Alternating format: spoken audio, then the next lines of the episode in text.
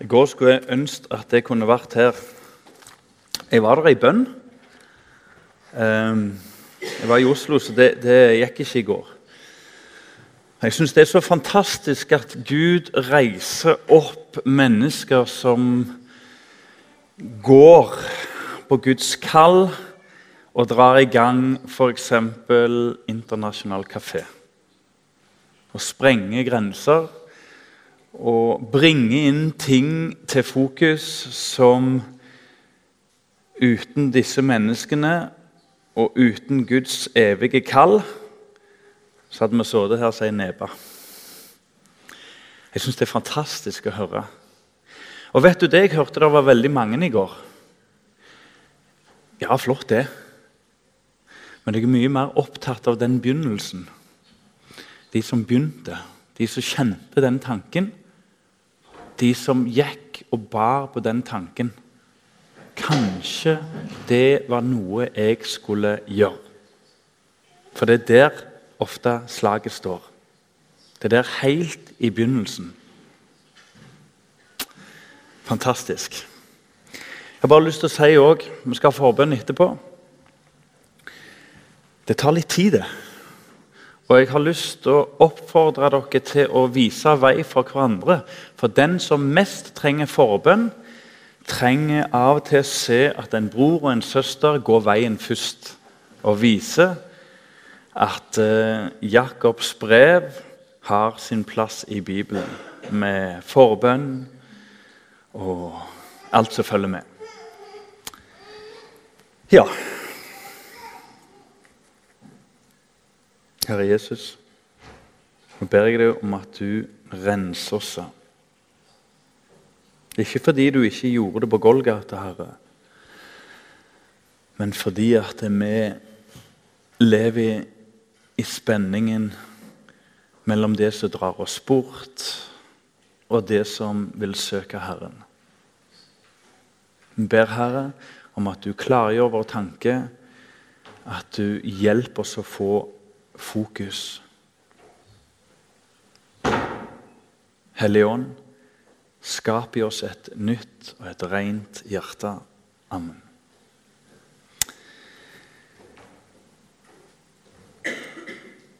Fokus hverdagsmenighet har altså en visjon. Og Den er som følger å gjøre Jesus kjent for Klepp. Og Det betyr selvfølgelig for mennesker på Klepp først og fremst. Og gjøre Jesus kjent for Klepp. Hvordan går det til? Hvordan kan vi få se at det går i oppfyllelse? Da vet vi at der er det mange ting, og i dag er det naboer og nabolag som er tema. Vi kan på et vis òg felle inn venner eller kommende venner i det. Ehm, John Wesley han er altså en kjent mann. Levde 1700-tallet, og i 42, 1742 Newcastle så gjorde han noe helt utenkelig i dag. For i hvert fall en mann av hans kaliber. Han stilte seg på et hjørne, og så sang han hele Salme 100. Jeg regner med han kunne synge. Det som er litt spesielt med John Wesley, er at eh, han stilte seg opp på formiddagen og så sier han klokka fem i dag skal jeg tale til dere. Og det kom tusener. Det fortelles at det sto folk ut i de smale gatene. Det var ikke plass på torget. Dette var på 1700-tallet. Men pass oss for å gjøre Gud liten. Men så langt de siste tiåra, i hvert fall i Norge, så har vi ikke sett det. Det er ikke sånn Guds rike hovedsakelig har gått fram i Norge. Mm. Det er på en helt annen måte. Men Guds rike går fram. Jeg tror vi skal være klar over at det skjer veldige ting i ungdomsforeninger her.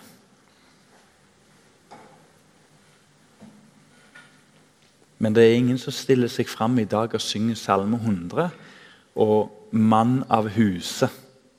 Den tida er forbi. Eller kommer tilbake igjen, om så var. Um, la oss få opp Dommerne kapittel 2 og vers 10. Naboer.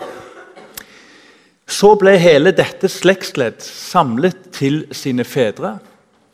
Og etter dem Det betyr i bunn og grunn på en fin måte at de gikk bort. da. De døde. Og så var det de som kom etterpå. Etter dem vokste det opp en annen slekt. De var altså i slekt, men det var likevel noe annet med de som ikke kjente Herren. Og heller ikke de gjerninger han hadde gjort for Israel. Generasjon X, generasjon Y, generasjon Z. Det bare suser over hodet på meg. Visste du at generasjon Z, 84% av de, syns mamma og pappa er topp? det er ingen som sprenger postkasser lenger. Den nye generasjonen er kjempegrei. Og samtidig så er det store varsellamper som blinker. Det er en ny tid. Jeg sier ikke at ingen skal stille seg opp på et hjørne og synge verken Salme 100 eller hva det skulle være. Men det er altså en ny tid, og det som kjennetegner Norge, er at vi er i ferd med å få en slekt som ikke kjenner Herren, og enda mindre Hans gjerninger. Var ikke det en positiv måte å starte på? Naboen. Kanskje du blir varm om hjertet.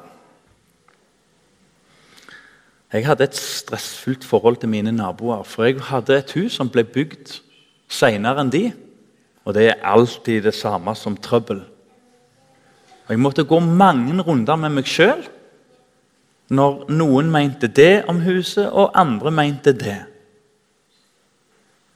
Jeg skulle ønske jeg fikk gjort det der om igjen. Jeg skulle ønske jeg la det enda mer fram i bønn, akkurat den biten der. For én og to og tre Jeg tror det gikk tålelig. Men én og to og tre naboer Så har du en ånd i nabo, så blir du ikke den velduften som du var tenkt å være.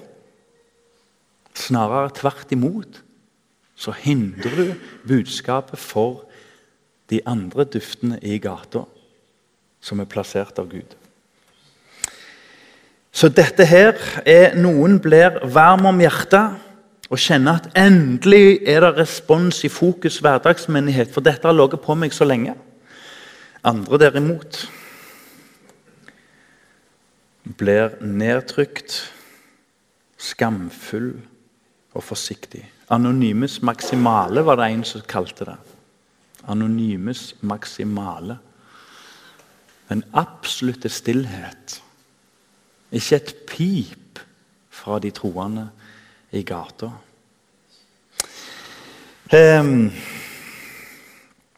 Det er en gang sånn, en hemmelighet som Bibelen viser oss, at naboen er i bunn og grunn det nest vanskeligste området å operere i.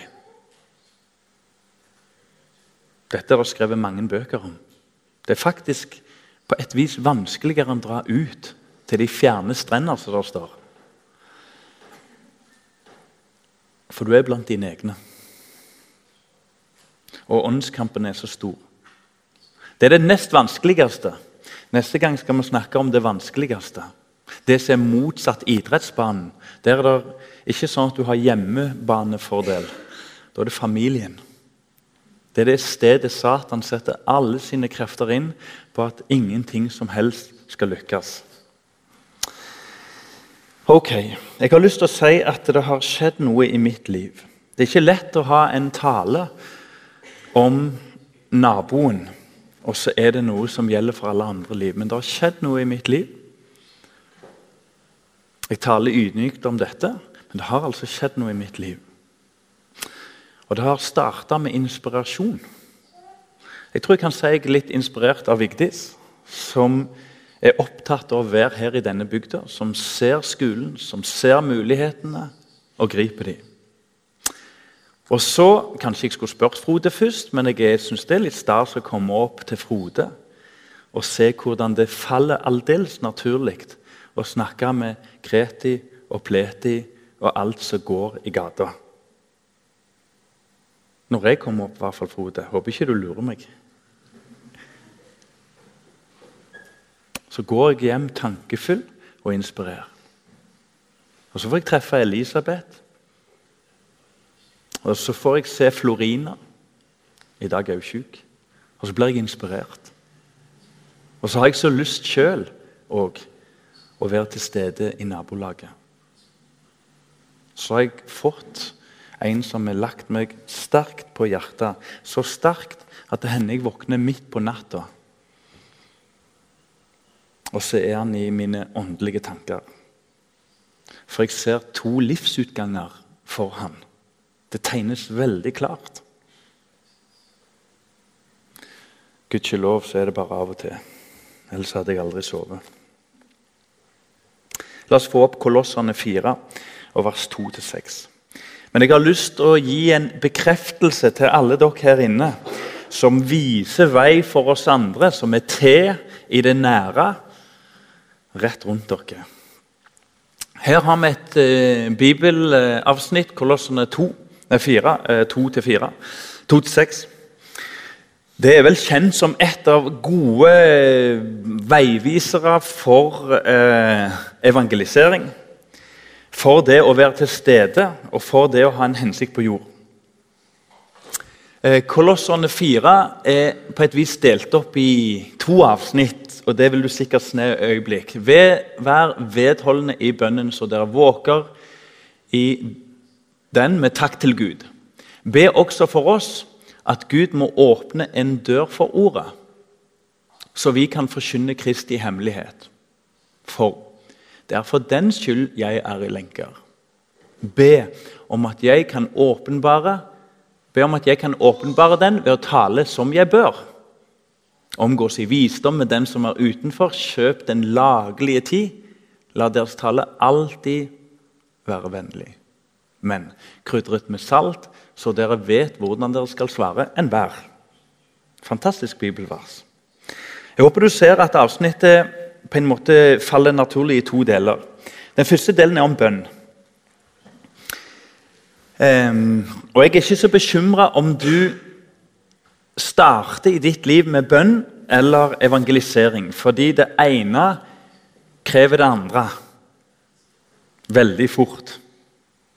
Du blir avhengig den som ber, får naboen på hjertet. Og den som har naboen på hjertet, han må veldig fort inn i lønnkammeret. En sånn fin sirkel her. Eh, I bønn så står det noe om å være vedholdende. Det er vanskelig å forstå. Her ligger jo lovtrelldommen rett rundt hjørnet. Jeg må, jeg må, jeg må. Men det er egentlig det at Gud får lagt noe inn i oss. Og så ligger det der hele veien. Du og jeg er ikke tjent først og fremst med brennende, varme vitnesbyrd, tåredryppende eller harde, evighetsutfordrende vitnesbyrd som dør hen. Det er et livsprosjekt, en livsstil for Paulus. Bare les hvordan Paulus hadde sin egen nabo, Onesimus. Det er jo ett kapittel. Paulus ville vinne i det minste én, skriver han. Så det lå på han òg. Så det er en livsstil, en vedvarenhet. Og så står det en ting til. Be også for oss. Jeg tror vi skal være veldig forsiktige med å si 'sånn gjør du', 'sånn gjør jeg', 'sånn gjør òg du'. Dette ligger litt forskjellig for oss dette med nabolag. Hvordan Gud kan få brukt oss. Men kunne vi begynt med å respondere på de menneskene som bringer mennesker inn? Og så langt inn som faktisk til fokus. Mennesker må få respons. Jeg husker i ungdomsforeninger hjemme i Tananger. Så satt jeg med en sånn en frustrasjon når jeg hadde med venner oppe i gata Jeg hadde endelig tatt mot til meg, for jeg visste de hadde lyst til å være med. Det var liksom ikke så kjempegift å sitte hjemme, for det var alternativet. Enten så gikk du på De røde sjøhus, eller så satt du hjemme. Ja, Kanskje litt grovt fortalt. Og Så opplevde jeg at de ble ikke tatt imot. Jeg satt der alene. Og så Av og til så kjente jeg òg at noen ble tatt imot, og et par av de er kristne den dag i dag. Den andre delen er om eh, de to siste versene, som er om evangelisering. Og Der står det bl.a. om å omgås i visdom med den som er utenfor. Det er veldig inn i dag å snakke om, om kristendom utenfor eller innenfor. Eller om det er en linje eller en prosess. Akkurat her er det utenfor og innenfor. De som ikke er kristne. Rett og slett gå fram med visdom og tenke litt. Bruke ved. Vær forsiktig og vær frimodig. Vær til stede og med hjernen. Det var en engelsk, det var en engelsk mm, professor eh, eller rektor på en av de største skoler i England som sa at det var først når jeg ble kristen, jeg klarte å tenke klart. Så det å bruke tanken er ikke en trussel mot evangelisering og naboer. Å være vis og være klok er for Paulus veldig, veldig viktig. Kjøp den lagelige tid. Hva betyr det? Det betyr egentlig at uh, Følg med. Følg med så ikke det suser forbi, og så er det for seint. Ja. Eh, la deres tale alltid være vennlig, krydra. Bibelen Summen av Guds ord er sannhet, står der. Og Her får du en sånn sum av ting som balanserer holdt jeg på å si, matretten, så det blir velsmakende. Hva står der her egentlig? Jo, la deres tale alltid være vennlig og samtidig krydre. Skjønner vi at vi må i bønn? Jeg tror jeg er flinkere med vennlig enn med krydre. Jeg syns jeg får kontakt med utrolig mange mennesker. Så stopper det der. Jeg ber Gud om hjelp til dette krydderet. Det er ikke balansert i mitt liv. Ok. Her er det altså bønn og evangelisering. Så bønn er egentlig å tale med Gud om våre naboer. Mens evangelisering er jo å tale med våre nære om Gud. En fantastisk sirkel som du og jeg er kalt til å leve i. Og så er det egentlig litt fint, for vi kan hoppe på holdt jeg på å si, hvor som helst i sirkelen. For den innhenter deg på en god måte. Mange venter og venter og venter på den lagelige tid. Og så var livet over. Samtidig Bønn er altså å be om en anledning. Jeg tror at en del mennesker er redd at Gud svarer. Kanskje ikke sånn langt framme i pannen, men litt baki der så ligger det en åndskamp i mitt og ditt liv. Hvorfor skal du og jeg be om en anledning? Tenk om Gud svarer. Spennende. Det vi òg skal gjøre med bønn, det er å forkynne Kristi hemmelighet, står der. Du har sikkert òg opplevd at det snakkes om kristendom, og kanskje du nærmer deg litt sånn kjerneting. Kristus og Hellig Ånd og kirke og litt sånn ja, eh, litt viktigere ting. Og så sitter du og kjenner på deg sjøl, og det er ikke arroganse. Det er ikke 'jeg skjønner alt, du er ei nebe'. Men det åh, Jeg skulle ønske du så Jesus. Jeg skulle ønske Den hellige ånd åpna Jesus for deg. Og det er det det står her. Så vi kan forkynne Kristi hemmelighet, eller hemmeligheten om Kristus. Så det første vi skal be om, det er altså en anledning. Hvis du tør. Det andre vi skal be om, det er å bruke anledningen. Så ikke det blir bare vas. Det er store bønner, dette her, altså. Det tredje vi skal be om, det er tale som jeg bør, står det her. Jeg syns Paulus er forbausende rett på sak. Man snakker sånn som du burde gjort. Det, det er ikke formler og fine poetiske vendinger her, altså. Man snakker sånn som du skal. Tenke deg litt om. Så altså nummer én at du får anledning. Nummer to at du bruker den. Nummer tre når du bruker den. Be Gud om hjelp til å tale på en god måte. Paulus vet litt hva han snakker om.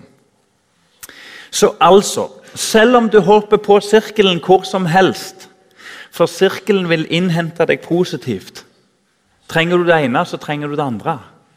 Så vet vi òg som troende en hemmelighet. Og det er det at skal du ha uttrykk, så må du ha inntrykk. Hjertelig velkommen til en hellig samvær nå. Av et sprukken lærkar fra meg. Av sprukne lærkar som spiller og synger. Av sprukne lærkar som vil be for deg. Hjertelig velkommen. Så står vi i tjeneste for hverandre, sånn at inputa står i forhold til uttrykka som skal være i min og din gate. Mm. Jeg håper du har noe å gå med. Dere skal få kraft, står der, til å gå på møter, til å ha det fint i lag. Nei, Det er jo flåsete sagt. Det var ikke det Jesus sa. Hva var det Jesus sa? Dere skal få kraft i det Den hellige ånd Det var jo det de skulle vente på. Vent litt, sa han. Vær i ro.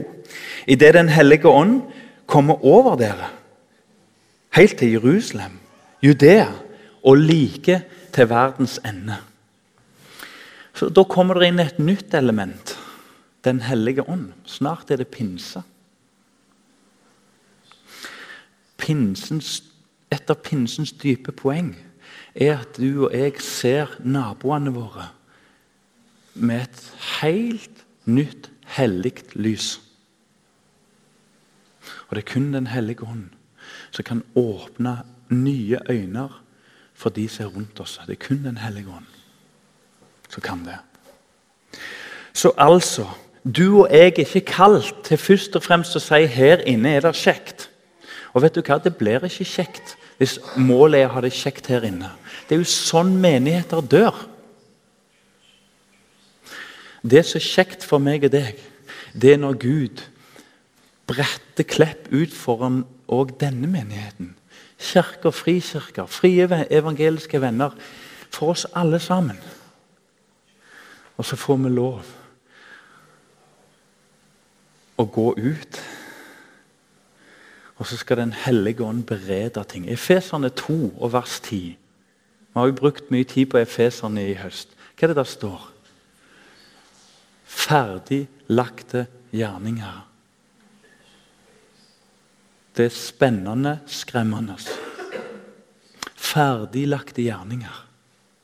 Og så går Helligånden foran oss, og så bereder han ting. Rett foran beina. Høsten er ikke der borte. Se, markene er hvite. Høsten er jo rett foran tuppene på skoene dine. I ditt eget hjem. Din næreste nabo. Og du og jeg, Vi har fått en hellige ånds hjelp til å gå over bekken etter vann. For sånn blir det ofte. Noen andre et annet sted, bare ikke naboen.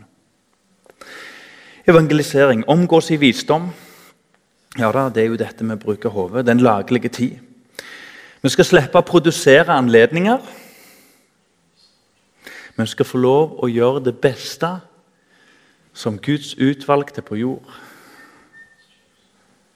Ut av den situasjonen Gud byr i, våre, i vårt daglige liv. Det er den laglige tid. Billy Graham Da blir møtet alltid bra når vi siterer fra sånne karer. Han var en gang i et nabolag til middag. Så var det en yngre kar der som hørte til den familien.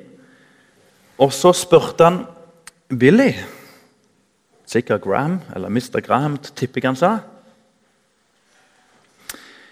Går du ofte i kirken?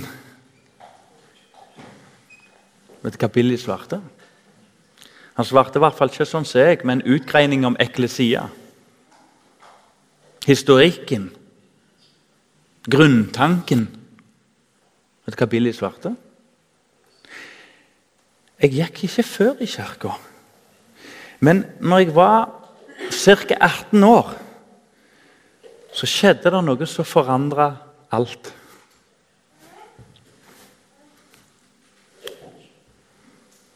Så ligger den der kirken der. Og Så dreies det fra ofte eller lite, eller bor du der, til at det er noe dypere. Jeg har en hvit transporter karavelle. Foran på den så ligger det en bibel. Så syns jeg jeg hadde gjort et modig steg med å legge den der. Og så har Gud altså gitt meg anledningene. Det er en del av bønnelivet. Så har Gud gitt meg anledningene. Ja, ja, ikke mange golleggere som har Bibel i oppe der, sant? Ja. Den har jeg hørt av mange. Så var det det å bruke anledningen. Var det tid for å legge ut om Bibelen? Ikke fordi at Bibelen er uvesentlig. Nei, nei. Men hva med det? Du, Den boka der er min største kjærlighet. Tenk om jeg kunne få mot til å la den setningen bare henge. Den Bibelen der, den, den, den, den boka der, den har forandra alt i mitt liv. Det er den eller ingenting. Det var det vi bruker. Det er det vi er salt. av. Ja, misjon, hva er det? Det å sprenge grenser. Det er å gå over landegrenser. Vi har jo misjonærer iblant oss som har reist og hengitt seg med alt det det har kosta og krevd, og innimellom gitt, til fjerne strender. Men den største grensen, den sitter inni oss sjøl. Menneskefrykten og alt som følger med. Du kan dra til hvilken som helst land du vil, men når den grensen ligger der og ikke blir nedkjempa, så er vi like langt. Jesus sier til disiplene like til verdens ende du og jeg knapt til noen. Jeg så en gang en bil så så jeg eh, avtrykket, liksom klisterrestene, av en sånn kurve som gikk sånn bak på bilen. Eh, antakeligvis en som har kjøpt den brukt, og fjerna det. Symbolet på en fisk. Og det er hva jeg håper. Jeg håper at det er en som enten ikke er kristen og kjøpte bilen og tenkte 'hva skal jeg med den'? Eller så håper jeg at det er en tydelig kristen som tenker akkurat den fisken der vil jeg ikke ha den, men jeg kan henge den opp en annen plass. For jeg er litt bilinteressert, for å si det sånn. Jeg, jeg, jeg går nok ikke til det steget jeg henger på de fiskene. Det er liksom et, det, det, det er ikke fordi det er symbolet, men liksom, du gjør ikke sånn med en bil. Har meg tilgitt. Men Gud kaller meg til å henge opp den fisken en plass. Om ikke jeg gjør det på en bil. Jeg håper ikke det er en kristen som skammer seg over evangeliet. Ganske spennende å se de små signalene. Gud, Jesus sier disiplene like til verdens ende. Håper ikke du river av kristentegner i ditt liv. Fokus. Jeg ønsker Jeg har ikke spurt Fokusstyret om dette. Men jeg ønsker at Fokus skal være en solid, troverdig, alminnelig kirke. Alminnelig hellige samfunn, heter det jo. Jeg ønsker ikke at vi skal gjøre oss til her. Enten at vi skal være liksom kule eller i en retning, eller vi skal være åndelige og gjøre oss veldig spirituelle. Det er mange retninger å gjøre seg til i. Jeg ønsker det skal falle naturlig, sånn som det falt for de første disiplene. Det, det, det brant, det ville ut naturlig. Kan vi få være i sånne kirker? Hvordan skal det skje? Hvordan kan vi bli sånn som Gud, sånn at det faller naturlig? Og etterstrebe å bli Jesus lik? Da har jeg lyst til å stille dere et spørsmål. Er Gud misjonal? Er han, misjons, er han en misjonsgud, egentlig? Når jeg stilte det spørsmålet, så måtte jeg spørre meg sjøl er jeg misjonal. Preger det mitt liv? Og Så får jeg en sånn fornemmelse av at gapet mellom Guds vesen og mitt liv er skremmende stort. Og Da begynner tankene å fly. Skal en da redusere Guds vesen? Han som vil at alle skal bli frelst? Eller har du og jeg noe å gå på? Kort fortalt. Er det noe Gud vil som skal ligne Han i våre liv? Jeg har lyst til at vi skal bruke siste del nå på å se litt på Guds vesen. Guds misjonale vesen. Det første jeg vil si, er at Gud tar ikke utgangspunkt i menneskers nød. Jeg leste det i bok. Jeg ble litt sånn Hva for noe? Ikke den omsorgsfulle Gud. Gud tar ikke først og fremst utgangspunkt i menneskers behov når han sitter og kikker ned på denne runde kula. Å, de lir. Å, de har det vondt. Gud er misjon. Tenk om mitt og ditt liv først og fremst var behovsstyrt. At når du ser nøden, så våkner du opp. Bli med på tanken. Eller når du ser behovene, så våkner du opp. Vi vet jo at Annie hun sier det at Nei, hun Vågen hun snakker jo om det en, genera, en generalkvinne. Hun snakker jo om det at måtte det bare være en kineser igjen til meg, så ikke alle er frelst før jeg kommer fram for ganske mange tiår siden. Hun så behovet og nøden. Vet du hva, det holder ikke. Tenk om Gud besøkte Klepp kun fordi han så behovet. Hva behov har du og jeg? Hvem her inne i salen har uttrykt et så tydelig behov for Gud? Ser dere her nede hvor vondt vi har det? Det står i Bibelen 'ingen søker Gud'. Det er en mye, mye dypere tanke som kjennetegner Gud, og som jeg tror han vil skal etablere seg i mennesker i fokus. Gud er misjon fra evig tid. Betlehem, det ligger der. Planlagt av Gud for evig tid siden. Alt ligger der for evig tid. Er Gud altså en misjonær fra evig tid? Jo, det er Guds evige hensikt. Tenk på opphavet. Altså vårt oppgave, ikke Guds. Adam og Eva. Så går det galt. Adam, Adam, hvor er du hen? Jeg finner deg ikke. må jeg bruke de andre øynene, Adam, for jeg, jeg vet hvor du er. Men du prøver å gjemme deg. Hvor er du, Adam? Det er jo misjon fra første øyeblikk. Det er Gud som leter. Ikke fordi han bråvåkna Oi, hva er det som skjedde der nede? Men fordi Gud alltid leter.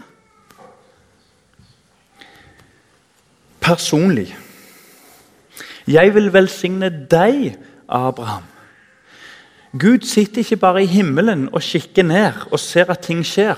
Men han har en evig plan, og så plukker han ut akkurat deg, Abraham. Og ut ifra deg skal det velsignes. Og Jeg har lyst til å utfordre dere på en ting. Det er mennesker på Klepp som skal velsignes og frelses fordi Gud plasserer deg der. Gud har et personlig forhold og en personlig plan i ditt nabolag. Folkeslagene, da? I, salme 150, I salmene så er det 150-60 ganger er det nevnt folkeslagene. Hva har dette med nabolaget å gjøre? Jo, det er Guds natur. Gud sier at hans rettferdighet skal oppfylles. Hvordan da? Jo, først og fremst ved Kristus. Men hans rettferdighet skal også oppfylles i det øyeblikket én, ikke 100, men når én person, den siste kristne, er, har nådd den siste folkeslaget, da er tida på jord over, står der. Det er Guds rettferdighet. Hvorfor det?